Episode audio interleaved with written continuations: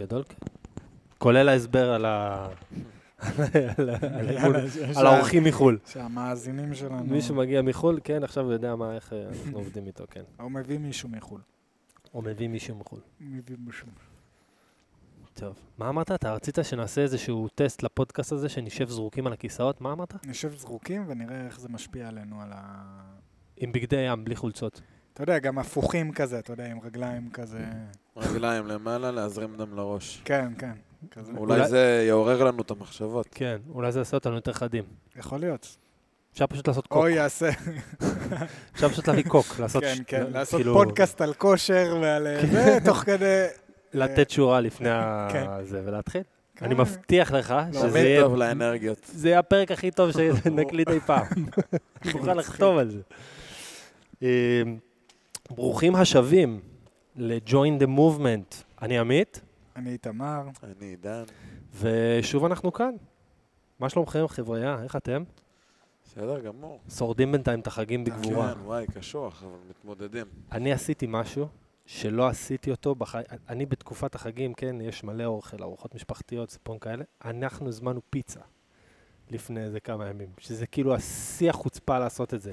המקרר מפוצץ בקופסאות, אתה יודע, שאריות עוד מ- מראש השנה 2010, ואנחנו מז- הזמנו פיצה. הפיצה יושבת במקרר, באוכל, כן, זה יושבת שם חצי ממנה, אף אחד לא נגע בה. אה, איזה אומץ, איזה חוצפה להזמין פיצה בתקופת החגים. וואלה, אני גר בדירת רווקים, אני לא יודע, אני גם אה, קצת, אתה יודע. הוא כל יום מזמין פיצה. כל יום הוא- ארוחות חג שלו זה פיצה. כן. אז אה, טוב, רבותיי, אז אני, אנחנו נדבר היום על אה, נושא סופר סופר סופר סופר אה, מעניין, ומעבר לזה שהוא מעניין, הוא גם פרקטי. זה אחד הנושאים שהם הכי פרקטיים, זאת אומרת, כל מתאמן אה, וגם מאמנים שמקשיבים לנו יוכלו להיעזר במידע שיהיה, שנדבר עליו פה היום, אבל בטח מתאמנים. מתאמנים שכבר מתאמנים תקופה, או בין אם זה מתאמנים חדשים. אז אנחנו נדבר היום על מה שנקרא overshooting. Overshooting. אגב, אתם יודעים מאיפה המונח הזה בא? אני גיליתי לכם את זה לפני. אז אני לא אגיד. אתה רוצה אני- להגיד? אני- לא, אני אתן לך להגיד. אני אתה יודע. שמע יודע, זה מתעופה. בתעופה. באקט של אה, הנחיתה. מאיפה אתה יודע את זה, עידן? לא יודע, זה? מישהו? מישהו לחש את זה קודם, לא זוכר מי. אז overshooting זה מונח באמת שמגיע מעולם התעופה, אני יודע את זה לא כי אני איזה חנון שקורא ספרים על אה, אביוניקה, אלא פשוט סתם כי הייתי בקורס טיס וזרקו אותי משם אחרי שלושה חודשים. אז בשלושה חודשים האלה שהספקתי להיות בקורס טיס בעברי, אז לימדו אותך על אז overshooting. למדתי מה זה overshooting, הבנתי. כן.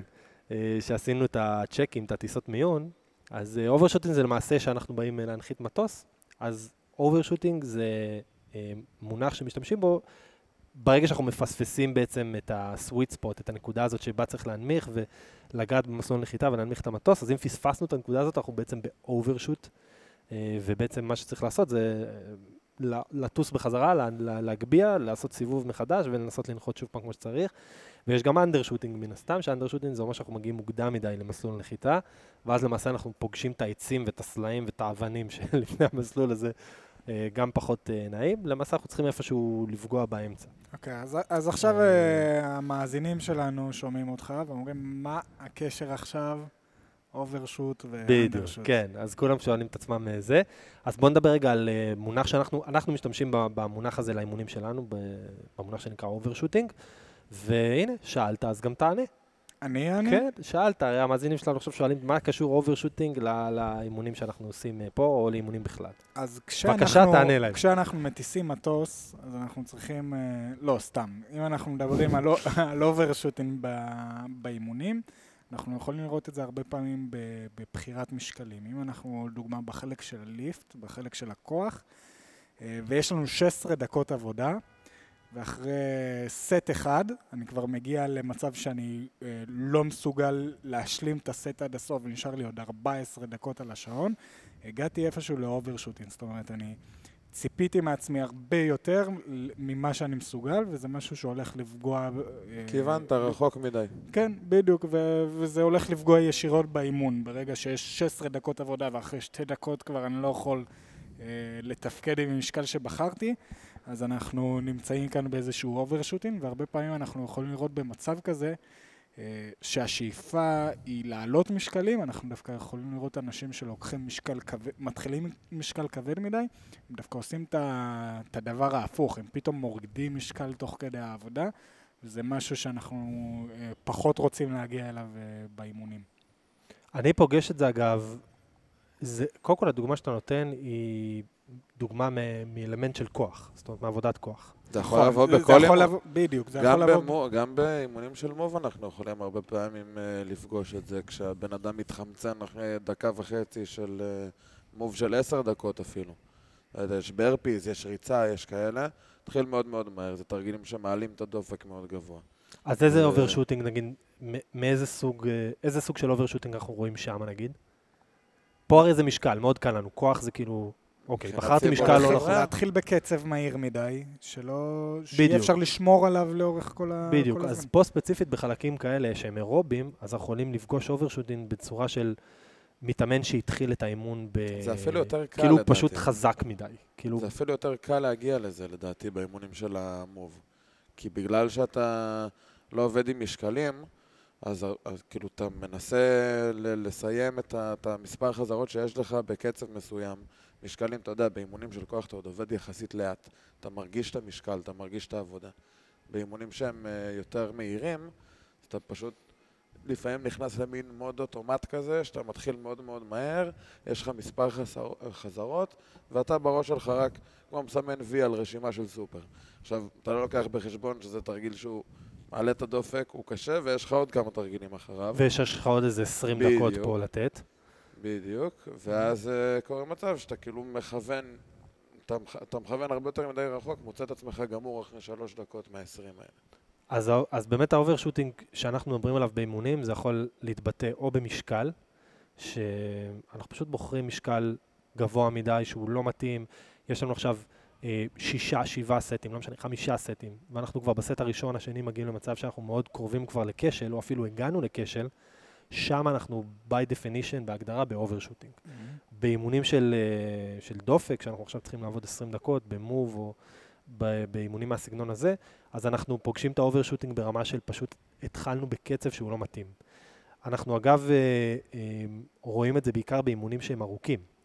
אימונים של 20 דקות, 25 דקות עבודה, או דברים מהמשפחות האלה, ויש עכשיו לעשות אה, פירמידה עולה של חזרות. מתחילים בארבע חזרות, קופצים לשמונה, לשש עשרה, אז אנחנו רואים שאתה... אנחנו חוצים מהר מאוד את, ה, את הסיבוב או את הסט הראשון והשני, ואז פתאום אנחנו נתקעים בקיר כזה. שמים את הידיים על הברכיים, מורידים את הראש, ואנחנו כזה מתנשפים, אנחנו מסתכלים למעלה על השעון- על השעון ואנחנו רואים, fuck, אנחנו כאילו שש דקות עברו, מה, יש לי פה עוד איזה 17 דקות לתת ואני גמור. אז הגעת ל overshooting. בנקודת זמן הזאת, התחלת ב pacing, בקצב שהוא לא מתאים, הוא לא מתאים ספציפית, יכול להיות שהוא גם לא נכון לאימון, אבל יכול להיות שהוא פשוט לא מתאים לקצב העבודה שאתה מסוגל לעמוד בו, והגעת פשוט ל overshooting, הגעת לחמצון של השרירים ואתה פשוט לא מסוגל לנשום, אתה צריך רגע לעצור. אמ, בוא נדבר רגע על, אז קודם כל, שם אנחנו פוגשים את זה. בכוח או בסיבולת, זה, זה המקומות שאנחנו בהם אנחנו פוגשים. בוא נדבר רגע על הסכנות של זה.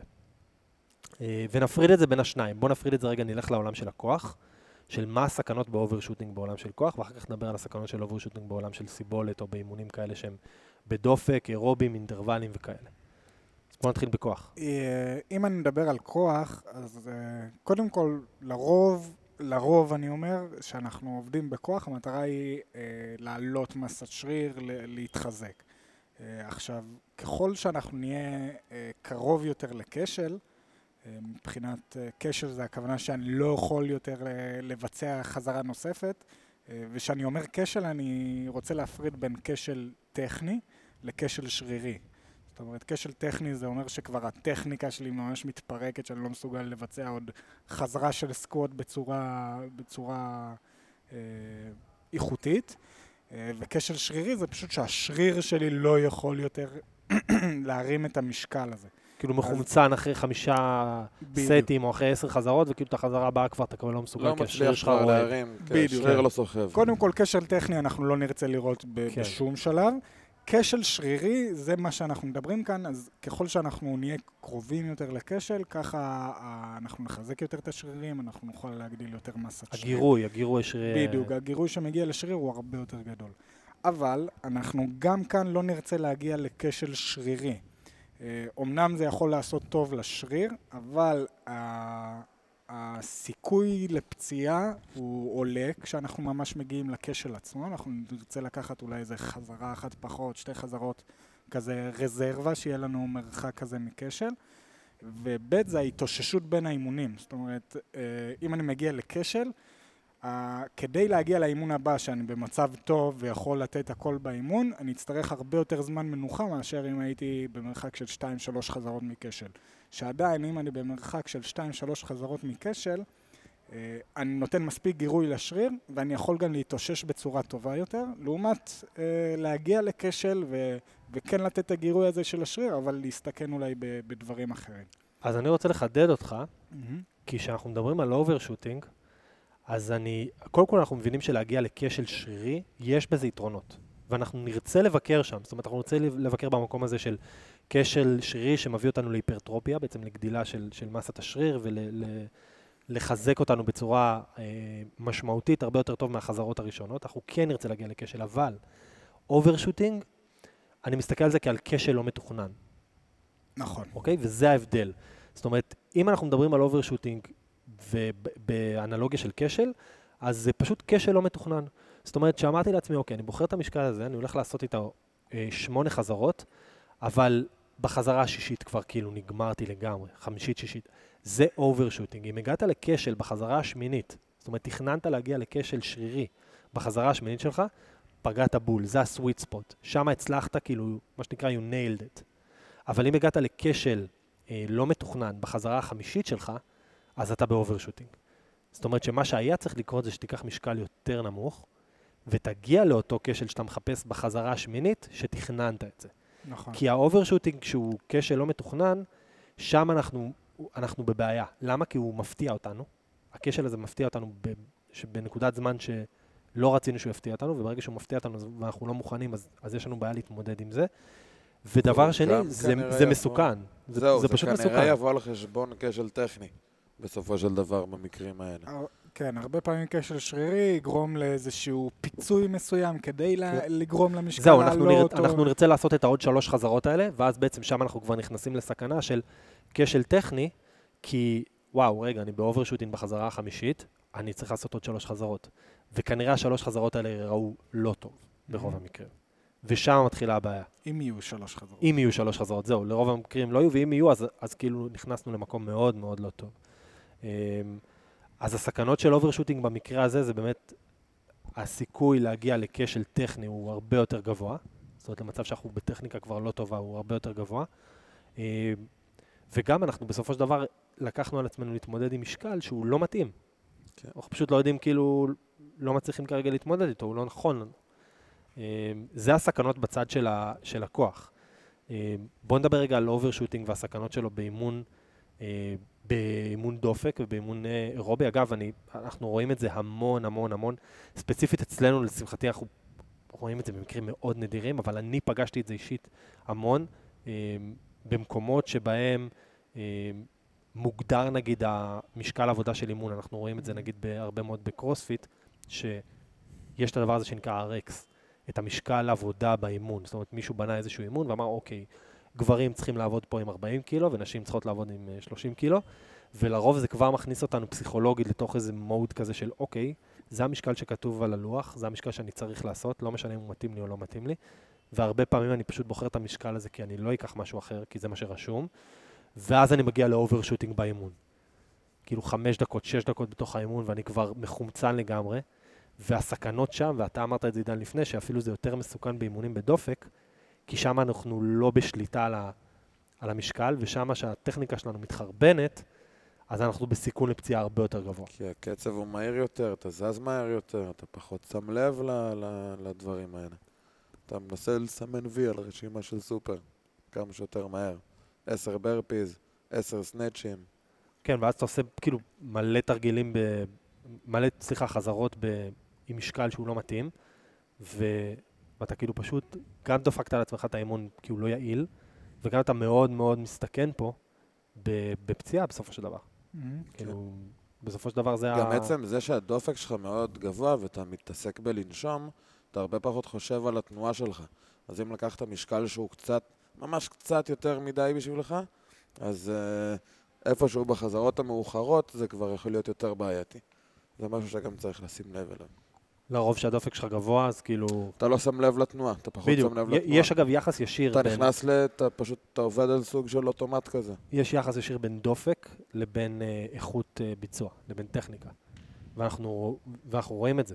גם יש אצלנו אנחנו יחס רואים. ישר בין ריכוז זאת אומרת שהדופק. עולה, הטכניקה יורדת, זה בוודאות, זה תמיד קורה, אין דבר כזה, כאילו שזה לא קורה. זה קשור זה- לריכוז והתרכזות בתנועה, לה- להרגיש מה זז כן, כשאני. בדופק, אין לי יכולת אה, להתרכז במה שאני עושה. כאילו, כן, פחות יכולת. להתרכז במה שאני עושה. אה, ושם זה הרבה יותר מסוכן. אה, איך אתם, אגב, תספרו, תנו לי באמת חוויות שלכם, איך, איך מתמודדים עם overshooting כזה. כי אנחנו רואים מתאמן שהוא נמצא ב overshooting, אנחנו יודעים שהוא פשוט כיוון גבוה מדי, לא בחר את המשקל הנכון, לא בחלק של כוח או לא בחלק של סיבולת, ומה אנחנו עושים עכשיו?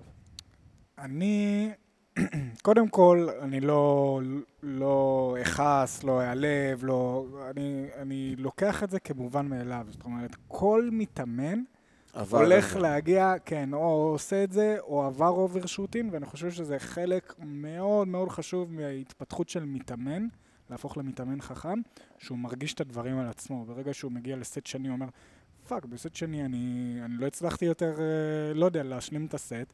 הוא מבין כאן ש, ש, שיש איזו בעיה, והוא לקח משקל כבד מדי, סתם, לדוגמה. אבל זה אה, במקרה הטוב, זה אם הוא מבין את זה והוא זיהה והוא יודע לתקן. מה קורה אם הוא נכון. לא יודע לתקן? אז קודם כל אנחנו עוברים על זה תמיד בהסברים גם לאימונים. אנחנו... אנחנו ב live, הגעת, הסברת, הוא ב overshooting, מה אתה עושה? מה אני עושה? הוא לא זיהה את זה, אתה הסברת לפני האימון, הכל בסדר. הוא אה, נמצא ב overshooting ואתה עכשיו רואה את זה מול העיניים שלך. ממש מקטג, אז אני בא אליו, איך זה הרגיש לך? כבד, נכון? אוקיי, אז בוא ננסה לקחת אה, פחות משקל, שתגיע לסט האחרון ו- ותרגיש שאתה יכול לתת עוד שתי חזרות. אל תגיע לכשל בסט האחרון, אבל תרגיש שמבחינת המשקל אתה יכול לתת עוד שתי חזרות, שלוש חזרות, או לתת לו סולם 1 עד 10.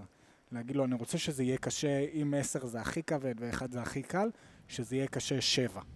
אוקיי? ואז אתה נותן לו איזשהו משהו לכוון אליו, ומשהו שיכוון אותו באופן יותר, אה, יותר מתאים למטרה של האימון. אוקיי. איך אתה אני, מתמודד עם זה? אני מאוד דומה, אני אוהב, לעב, אני אוהב לעבוד איתם על אחוזים, למשל. כאילו, נגיד אם אני רואה אה, שמישהו מתחיל, אפילו יודע מה, לפני שמתחילים את העבודה, אני אומר להם להתחיל את הסט הראשון, קודם כל שיהיה יחסית קל. אומר להם להתחיל מאזור ה-40-50 אחוז מהמשקל המקסימלי שלהם לכמות חזרות שמתוכננת לנו היום.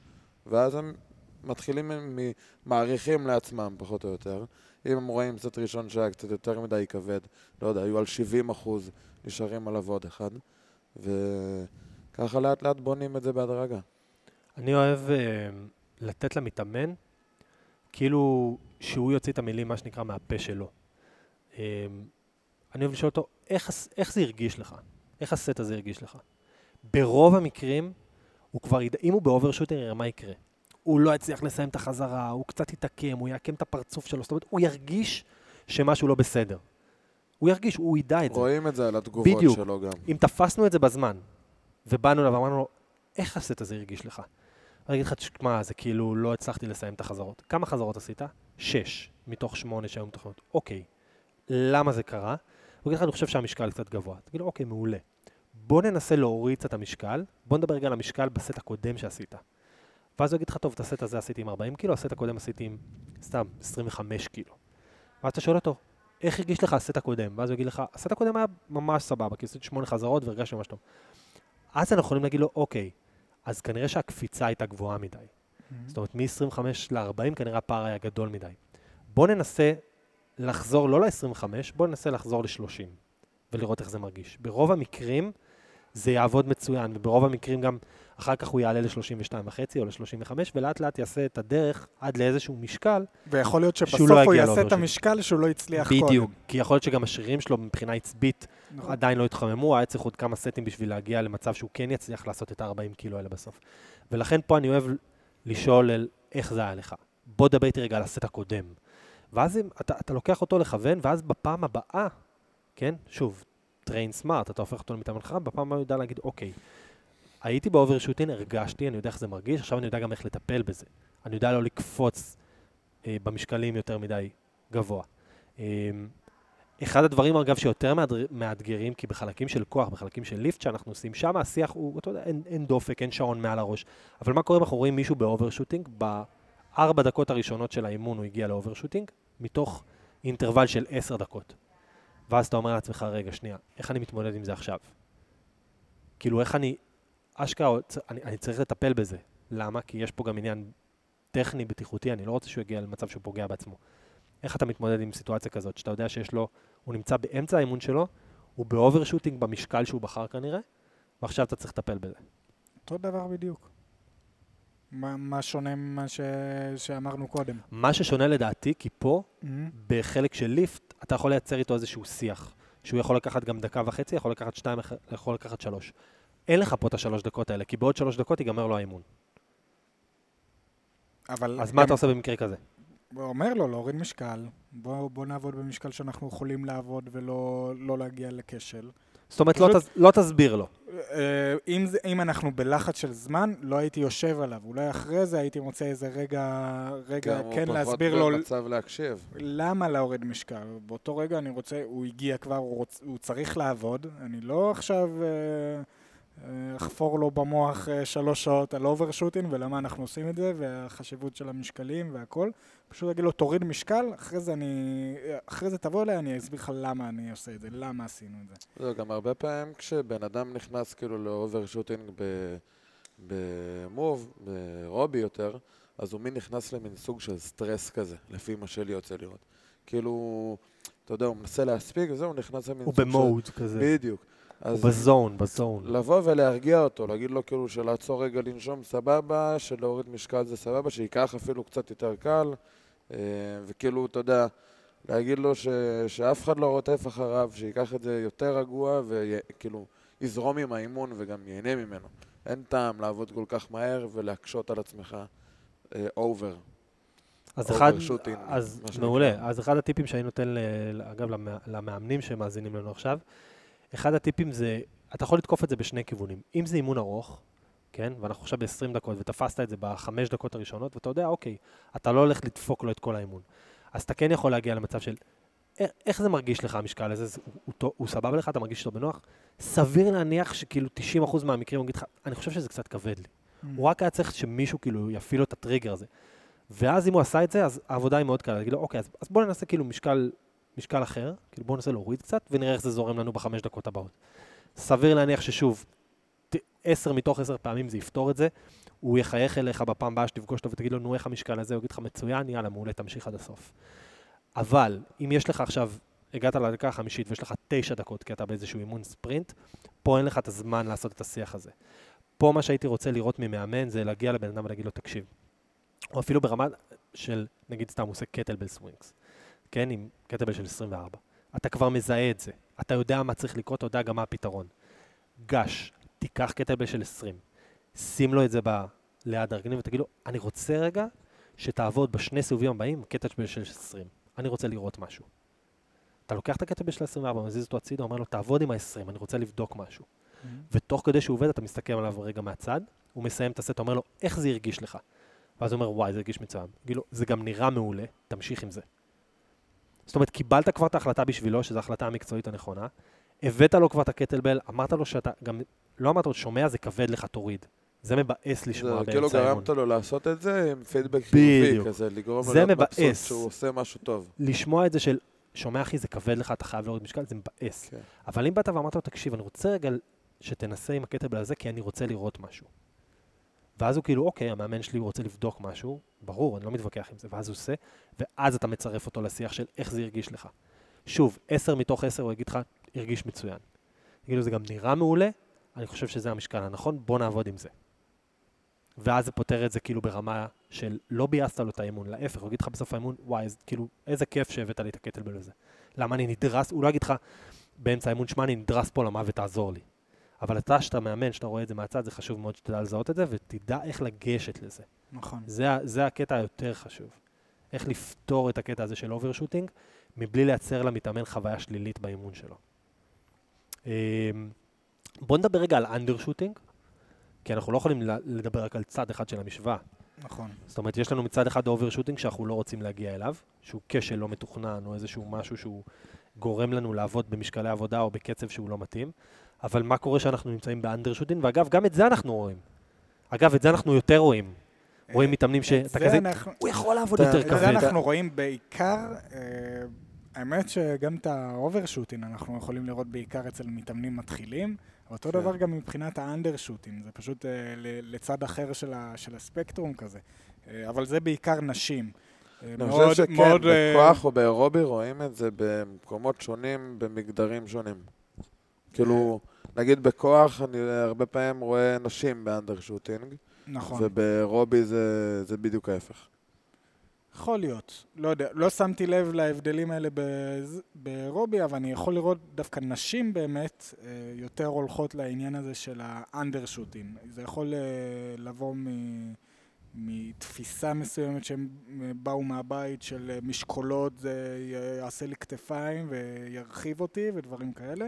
או פשוט מ- ממשהו שאני לא, לא אצליח להתמודד עם המשקל הזה והזה, כשבפועל הם אפשר להרים הרבה יותר מזה, פשוט כן. הם לא עשו את זה מעולם ויש חשש, חשש מסוים ל- להגיע לשם. אז uh, אנחנו יכולים לראות את זה, כן, כל הזמן, גם באימוני כוח, גם באימוני uh, מוב, ב- בליפט שלנו, במוב שלנו, אפשר לראות את זה. באנדרשוטינג, אגב, זה... הג- ההגדרה שלו מה- מהעולמות שלנו, של העולם של הכושר, זה בעצם, יש לך עוד הרבה יותר אה, בטנק, מה שנקרא, יש לך עוד דלק שאתה יכול להשתמש בו, ואתה פשוט לא מנצל אותו.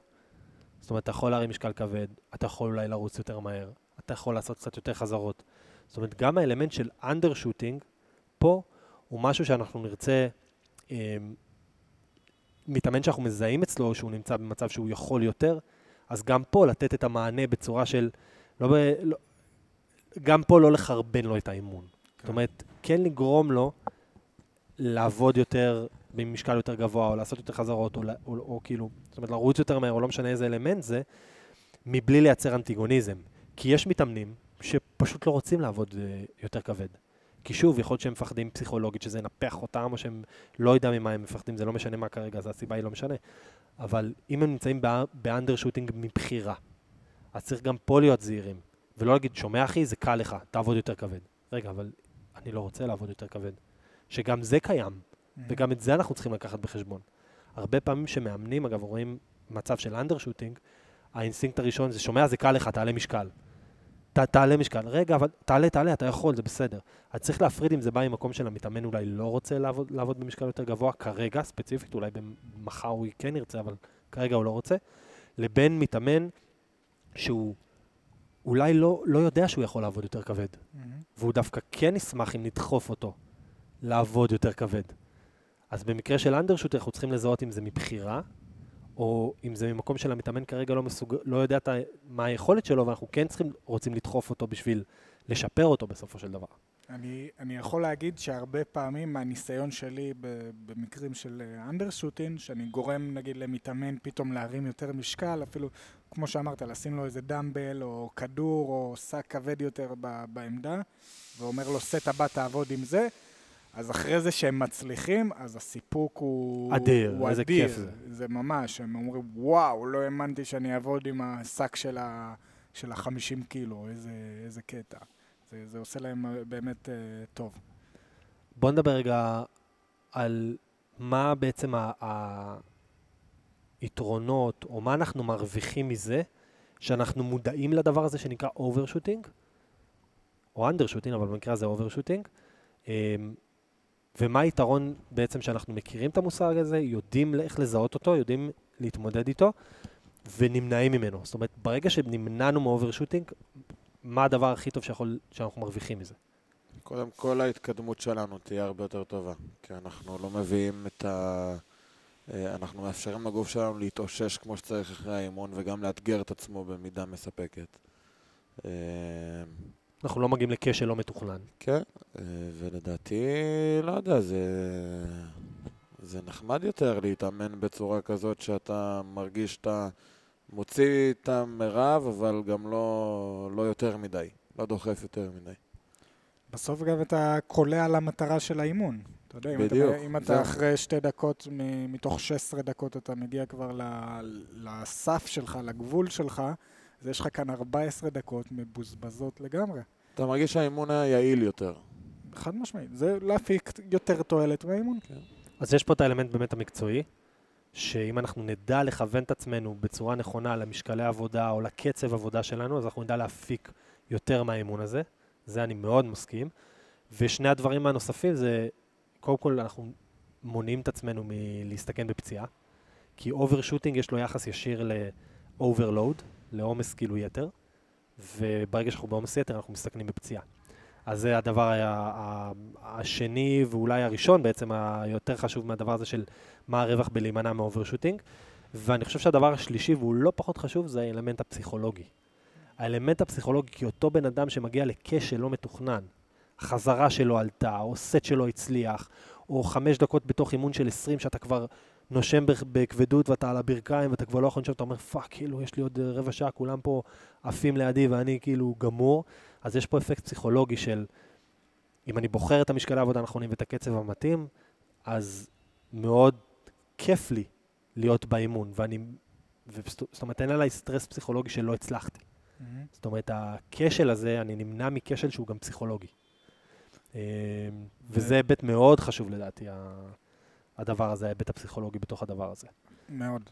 ו- ועוד חשוב לי שוב להגיד את זה, שאומנם אנחנו מדברים על overshooting כדבר שאנחנו פחות נרצה לראות, אבל זה משהו שאנחנו תמיד נראה, וזה חלק מההתפתחות שלנו. זה חלק מזה, ברור. אין, אין מה לעשות, אנחנו צריכים את זה כדי להבין בסופו של דבר איך אנחנו הולכים uh, לעבוד טוב יותר, וכשזה קורה אנחנו צריכים ללמוד מזה. זאת אומרת, אם זה כבר קרה, אז להגיד, אוקיי, אז שבוע הבא אני אקח משקל אחר, ו- וככל שאנחנו נתאמן יותר ונתרגל את זה יותר, אנחנו נבין יותר. לדוגמה, אם אני עושה חמש חזרות כבדות של סקווט עם אה, 100 קילו, ומחר באימון יש חמש חזרות של סקווט, אה, שישה סטים כאלה, אבל עם שלוש שניות בירידה ושלוש שניות בתחתית, אז אני יודע שהמשקל שאני עושה חמש חזרות רגילות, הוא לא יהיה אותו משקל שאני הולך לעבוד כאן. וזה משהו שאולי לא יבוא לי, לא, לא יצוץ לי בראש כזה פעם ראשונה שאני אראה את האימון, אבל ככל שאני אתרגל את זה ואתאמן ואהיה חשוף ליותר דברים, אז שם אנחנו מתפתחים. כמתאמנים. אז בואו נדבר על הדבר האחרון, ש...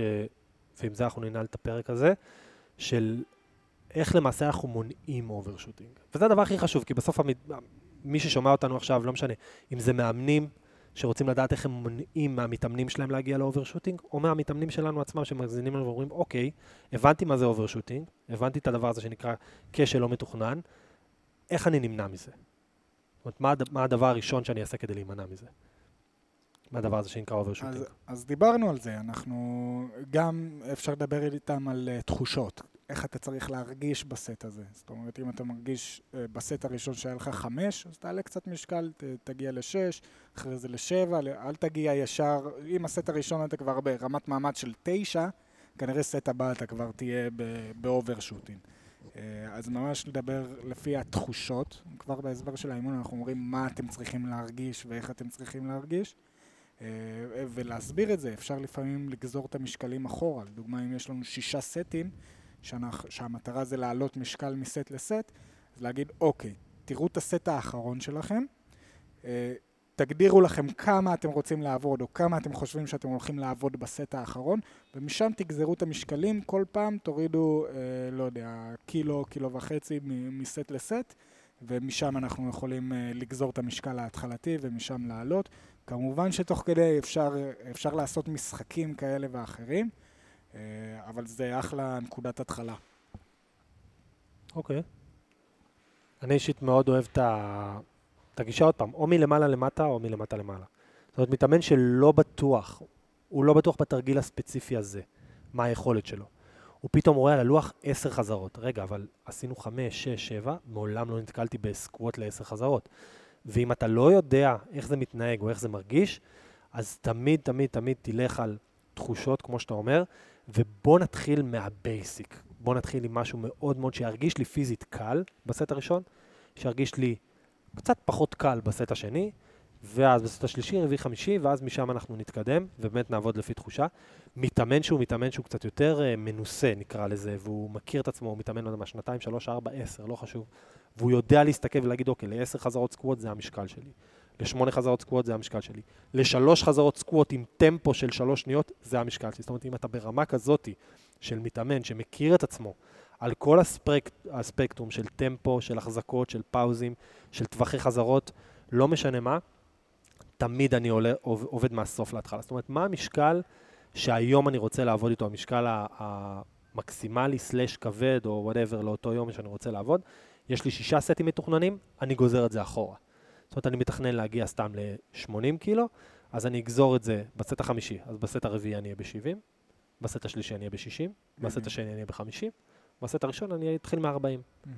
ואז משם, ברגע שאנחנו גוזרים את זה מלמעלה למטה, אז אנחנו, הסיכוי שנגיע ל overshoot, או הסיכוי שנגיע לאיזשהו כשל לא מתוכנן, הוא הרבה יותר נמוך. זאת אומרת, זה, זה שתי הגישות, או לפי תחושה באמת מלמטה למעלה, ואז להתחיל להכיר את הגוף שלך בתרגילים השונים ובטווחי חזרות השונות, השונות, אה, או לעבוד מלמעלה למטה, אם אתה מתאמן מנוסה, פשוט תלך מהסוף להתחלה.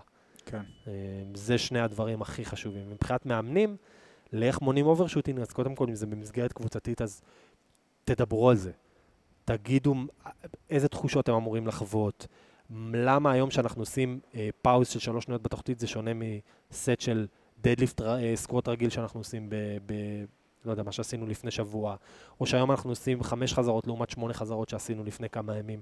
תדברו על זה, תדברו על איך זה אמור להרגיש, תדברו על איך זה אמור להתנהג, ותיתנו את הכיוון הזה של או מלמטה למעלה או מהסוף להתחלה.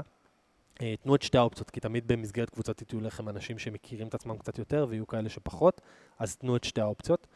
ולמתאמנים להגיד להם שפשוט תעבדו לפי תחושה, take it easy, כאילו, תנסו להימנע מ overshooting כמה שיותר, כי פשוט האפקט, מה שדיברנו מקודם, הפסיכולוגי של overshooting וגם הסכנה לפציעה שם, אה, זה פשוט משהו שהוא לא שווה את זה. אה, ואם אנחנו כן רוצים להגיע לכשל או כן רוצים להגיע לקצה, פשוט שזה יהיה מתוכנן. נכון. פשוט שזה יהיה מתוכנן כמו שצריך, שזה לא יפתיע אותנו, ואז הרווח מאותה נקודת כשל שהיא מתוכננת, הרווח יהיה האופטימלי. נכון, חד משמעית. אני מסכים כאן.